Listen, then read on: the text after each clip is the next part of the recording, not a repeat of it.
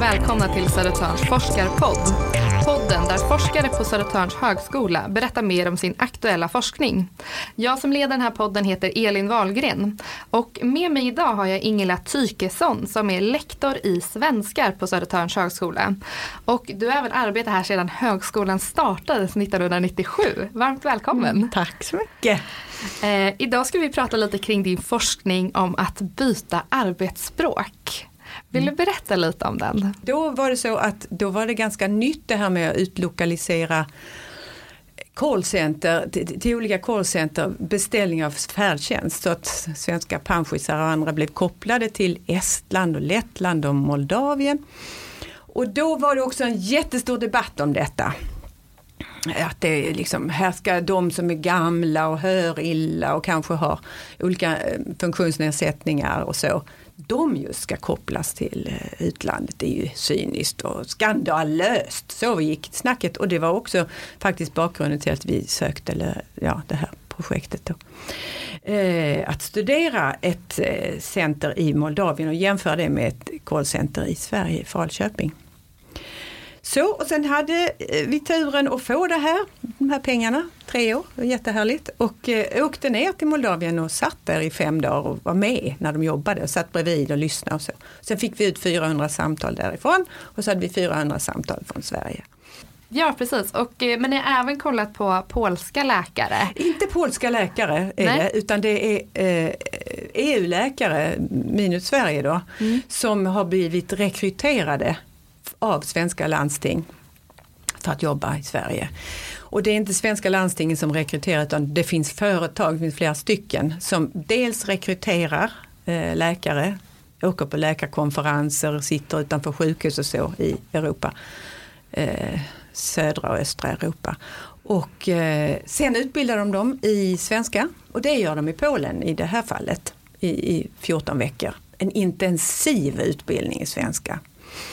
Eh, så att då var, där var forskningsidén, studera dem när, och de utlovar också det här företaget i sina, sina prospekt att du kommer att få öva dig mycket på att kommunicera med patienter och kollegor och så. Så det, det, det, låter som det är väldigt mycket muntlig kommunikation och det tyckte vi lät spännande. Linda Kalin och jag som har gjort de här, båda de här projekten ihop.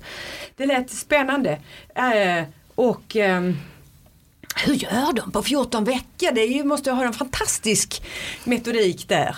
Eh, som, som vi var nyfikna på. Eh, och sen tänkte vi så, sen åker vi till Sverige och när de har börjat kommit till sina arbetsplatser så kollar vi, hur gick det då i skarpt läge, spelar in dem på jobbet. Mm. Så det var tanken. Mm. Och vad kom ni fram till där? Hur går det att lära sig ett språk på ja, 14 veckor? Nej. Eh, ja, jag kan säga så här. Eh, de här i Moldavien, de gick ett halvår för att lära sig att bli operatör på heltid också, utbildning. Och höll på mycket med kommunikation och mycket med att lyssna på olika dialekter och sånt där. Och de hade dessutom en bakgrund som eh, språkvetare. Masterexamen i något västeuropeiskt språk. Och plus att de skulle kunna engelska och så. Så att de var ju rätt duktiga redan när de kom och sen hade de mycket, mycket undervisning. Eh, vad de sa som var spännande det var att för några av dem hade läst skandinavistik på universitetet där, där i Chisinau i Moldavien. Med skandinavistik, vad sa du att det här? Skandinavistik. och det menar alltså skandinaviska ländernas ja, språk? Man väljer något av länderna, Sverige, Norge, Danmark och sen så lär man sig dels språket, dels realia, alltså om, om samhället. Så. Mm.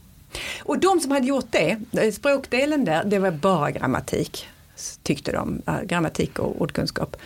Eh, och eh, sen när de kom till den här kursen för att bli färdtjänstanställda, då fick de lära sig kommunicera och det var någonting helt annat. De tyckte det var jätte, jättekul. Det var en väldigt stor skillnad. Det var väldigt skriftspråkligt då på universitetet. Så det var ju spännande. Men där undersökte vi inte själva utbildningen utan det var bara deras eh, yrkessamtalande. Men de här läkarna då, ja alltså det var ju inte så mycket muntligt i undervisningen visade sig. Utan det var väldigt skriftspråksbaserat där också och de hade läromedel som vi har här i Sverige på SFI-utbildningar. Rivstart heter det.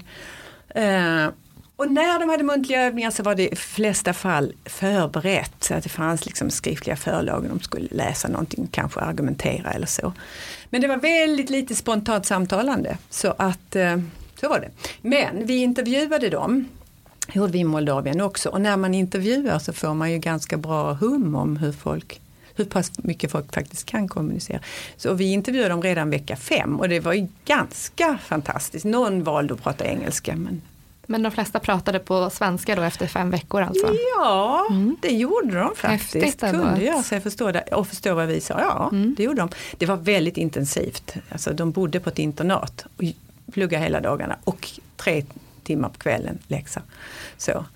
Mm. Men lär man sig, jag tänker eftersom det är arbetsspråket just som det handlar om, mm. lär de sig hela svenska språket eller inriktar de sig mot liksom eh, det arbetsspråket så att säga? Med termer och vad det kan innebära. Ja, alltså det är massa olika läkare, det är specialistläkare det här handlar om, så de, de kan vara både psykiater och gynekologer och ja, hjärtläkare och röntgenläkare, allt möjligt.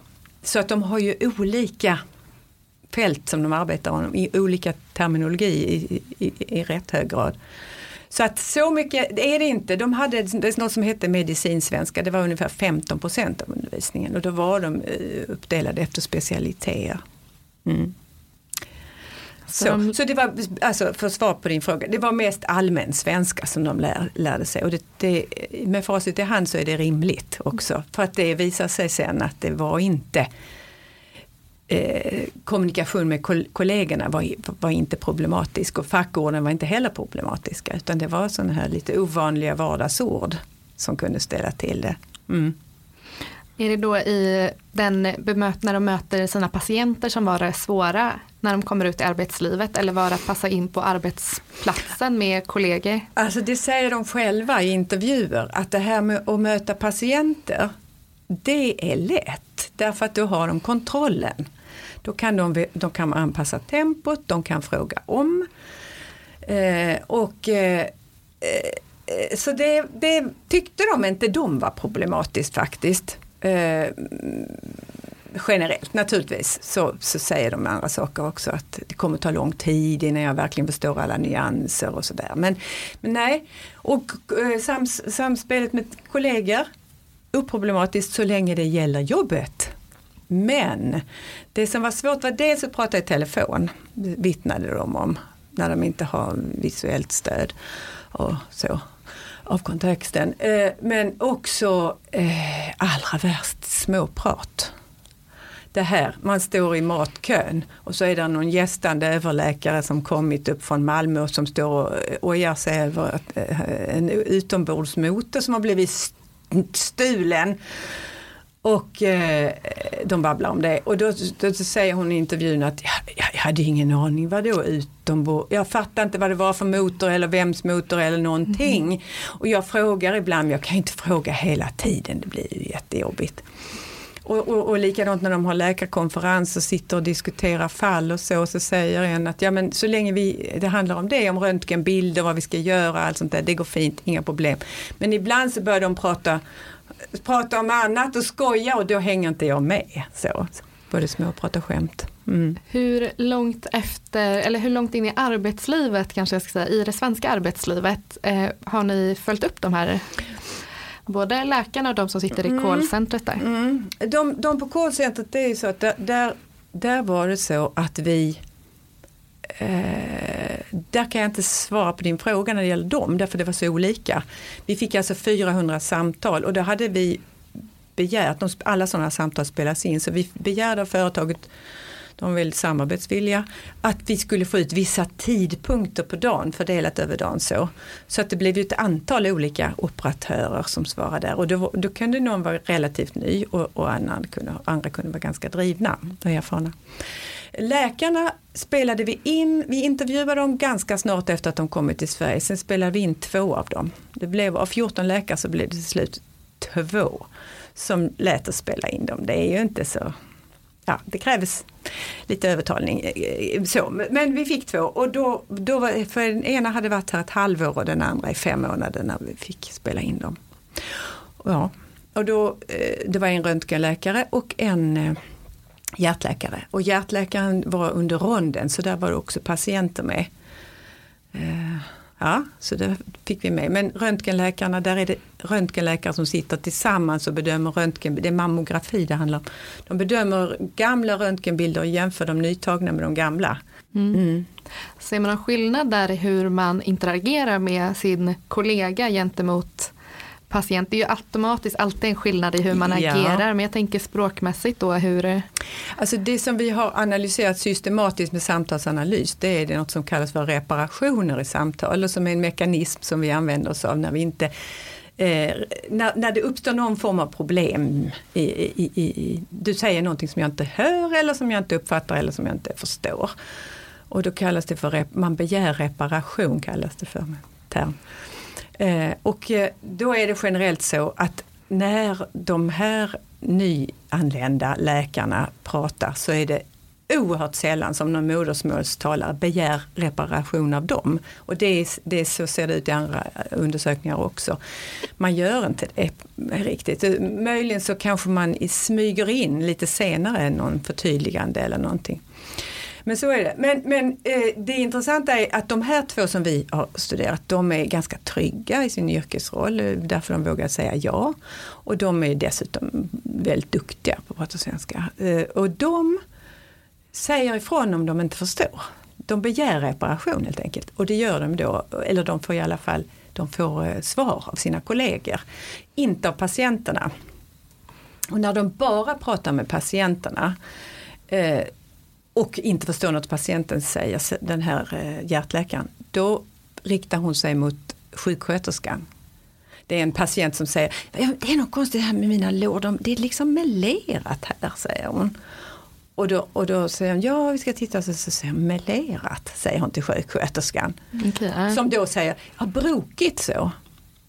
Eh, och sen fortsätter samtalet. Mm. Eh, och just det exemplet är lite roligt för att förmodligen förstår hon inte brokigt heller. Nej, alltså det är ett gammalt svenskt nordiskt arvord medan melerat är mer internationellt och mm. melange. Franska. Är det, ja. är det så att hon automatiskt då, eller den här hjärtläkaren, att hon att hon då frågar, att hon inte frågar patienten, finns det en anmärkning i det gentemot att hon frågar sjuksköterskan eller valet av det istället för att prata direkt med patienten? Jag vet, ja, alltså så här säger de, det är ofta så faktiskt att syrrorna hjälper till. Okej. Okay. Ja, med språkliga grejer. Mm. Alltså att kollegorna generellt är, är väldigt eh, bra att ha. Särskilt andra andra språkstalande kollegor faktiskt, säger de. Det är en jättebra. Förstås helst från det egna landet då. Men, så att eh, Eh, och det säger också, det säger röntgenläkaren också, att, att sjuksköterskan är ett stor hjälp. Mm. Mm. Så det är nog någon sorts etablerat mellan dem så att, som gör att hon första hand vänder sig till sin kollega då. Mm.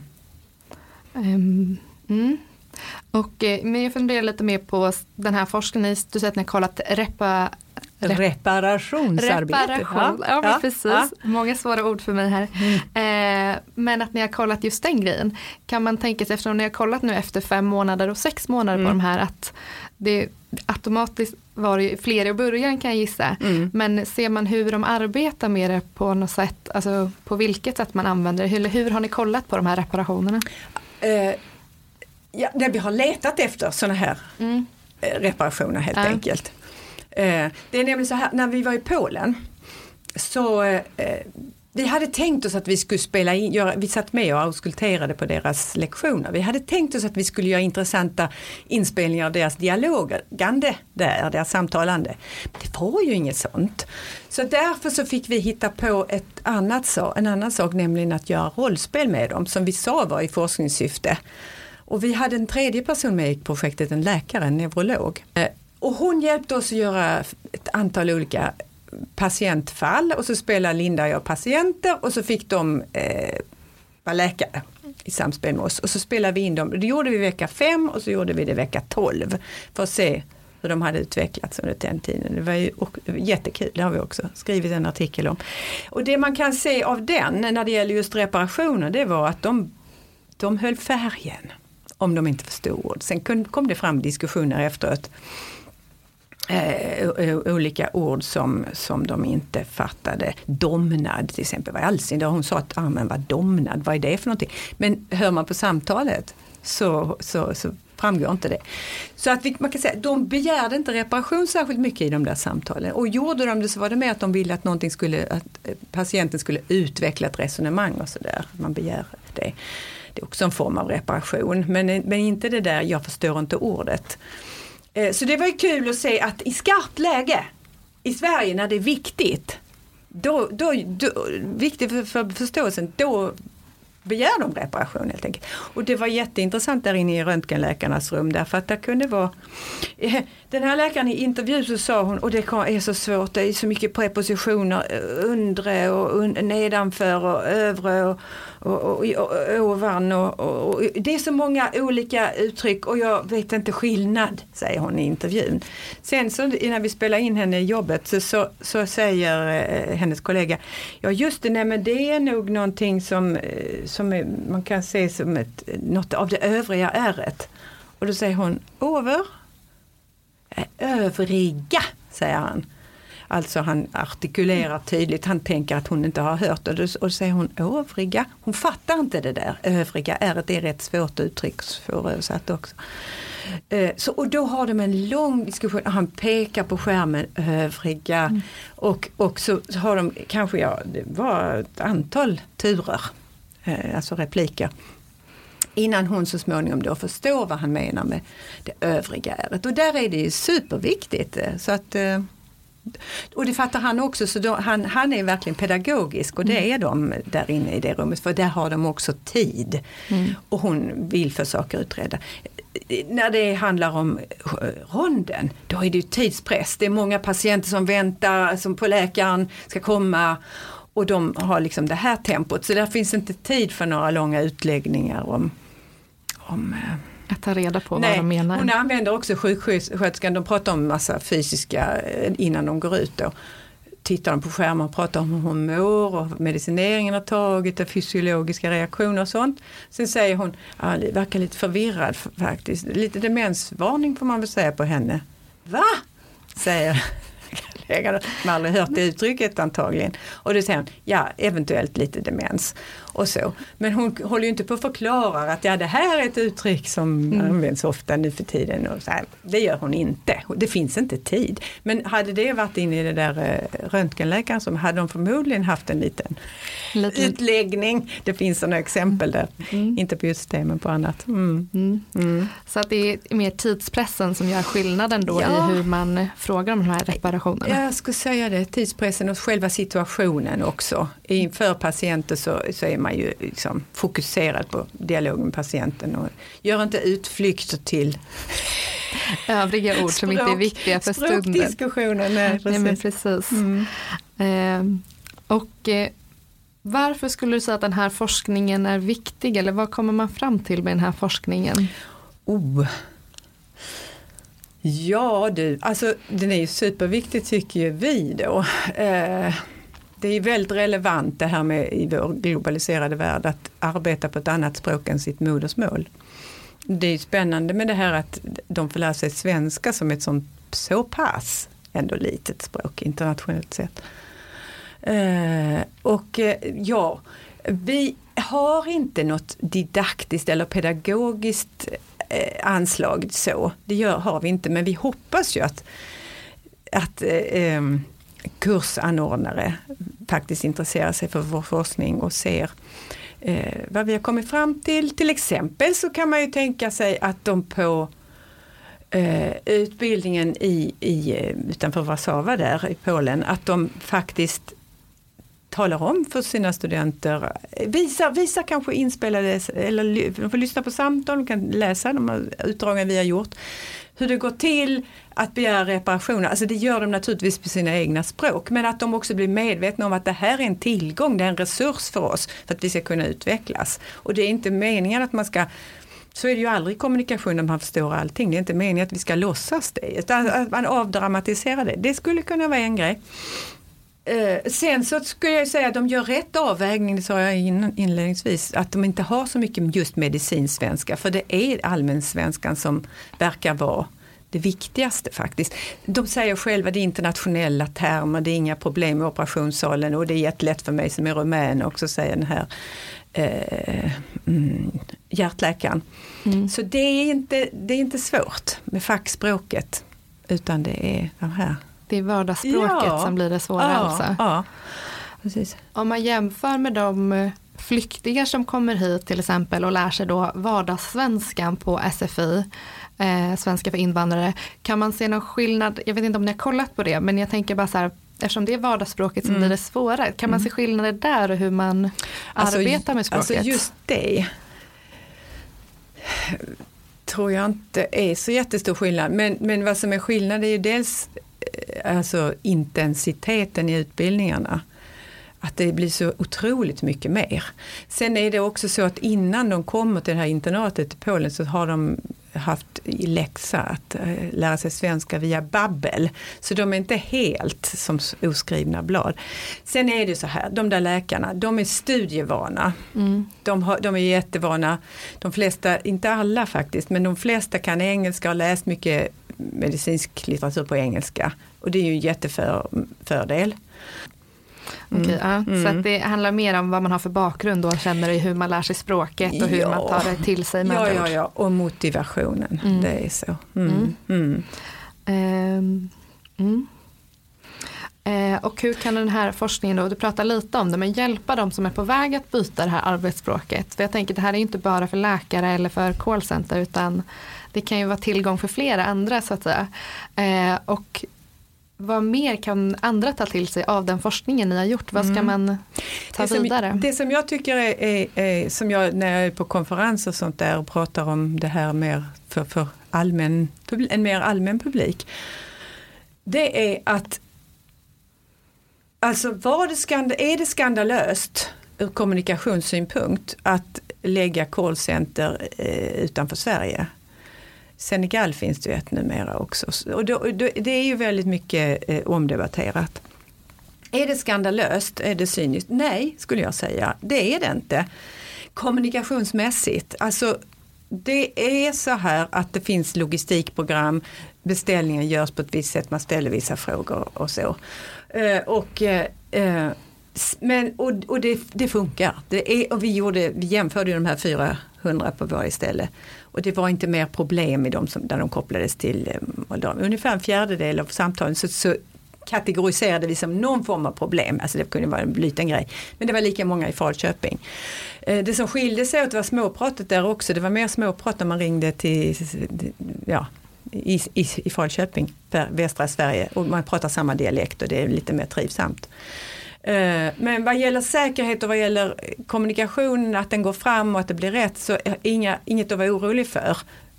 Eh, men däremot så finns det annat och det kan vi ju faktiskt fundera över och det är nämligen så att det finns något som heter lingvisism som handlar om våra förutfattade meningar om folk som bryter till exempel. Alltså att vi särbehandlar dem, vi förväntar oss att de inte ska fatta så mycket. Och, vi kanske, och det kan vara bra, vi sänker tempot, vi är tydliga. Men det kan också vara dåligt att vi placerar dem eh, i eh, ett hörn där och gör dem mindre vetande. Eh, som det gör ofta ju varit i den här diskussionen. Ja, de kan bara precis hålla sig till listan och så fort man försöker gå under, utanför listan då klarar de det inte. Det, det stämmer inte. Och på så vis, och det kan också vara så att när det väl blir småprat i de här samtalen till Moldavien, då handlar det om, oh vad du pratar bra svenska. Klapp på huvudet, oh kom hit ska jag gifta mig med dig. Alltså lite sånt. Ser man då också att de som ringer till det här callcenter inte öppnar upp för små, småpratet ja, med andra ord? Exakt, precis. De ställer frågorna väldigt fyrkantigt mm. och det är inte konstigt att det då förefaller som den man pratar med bara håller sig till listan. Så att det är, it takes two to tango, det är, det är en sak som är viktig tycker jag. Vad har de du har intervjuat då? Vad tycker de är det svåraste i att byta arbetsspråk? Du pratade lite om så vardagsmeningar och sånt. Finns det något ja. annat som är det svåra? Och ser man att det är någon tröskel man kommer över eller? Alltså de säger svår, jättesvårt att prata i telefon och särskilt om den de pratar med inte pratar standardsvenska. För om de är nere i eh, Moldavien, där hade de en jätterolig lärare som var väldigt intresserad av kommunikation och han eh, lät dem exponeras för massa olika dialekter för det var precis vad de skulle möta i sitt arbete. Eh, de här har inte gjort det utan de har sett lite filmer, Skärgårdsdoktorn och de har, de har lite så. Och sen så deras lärare är skandinavister själva från, från Polen.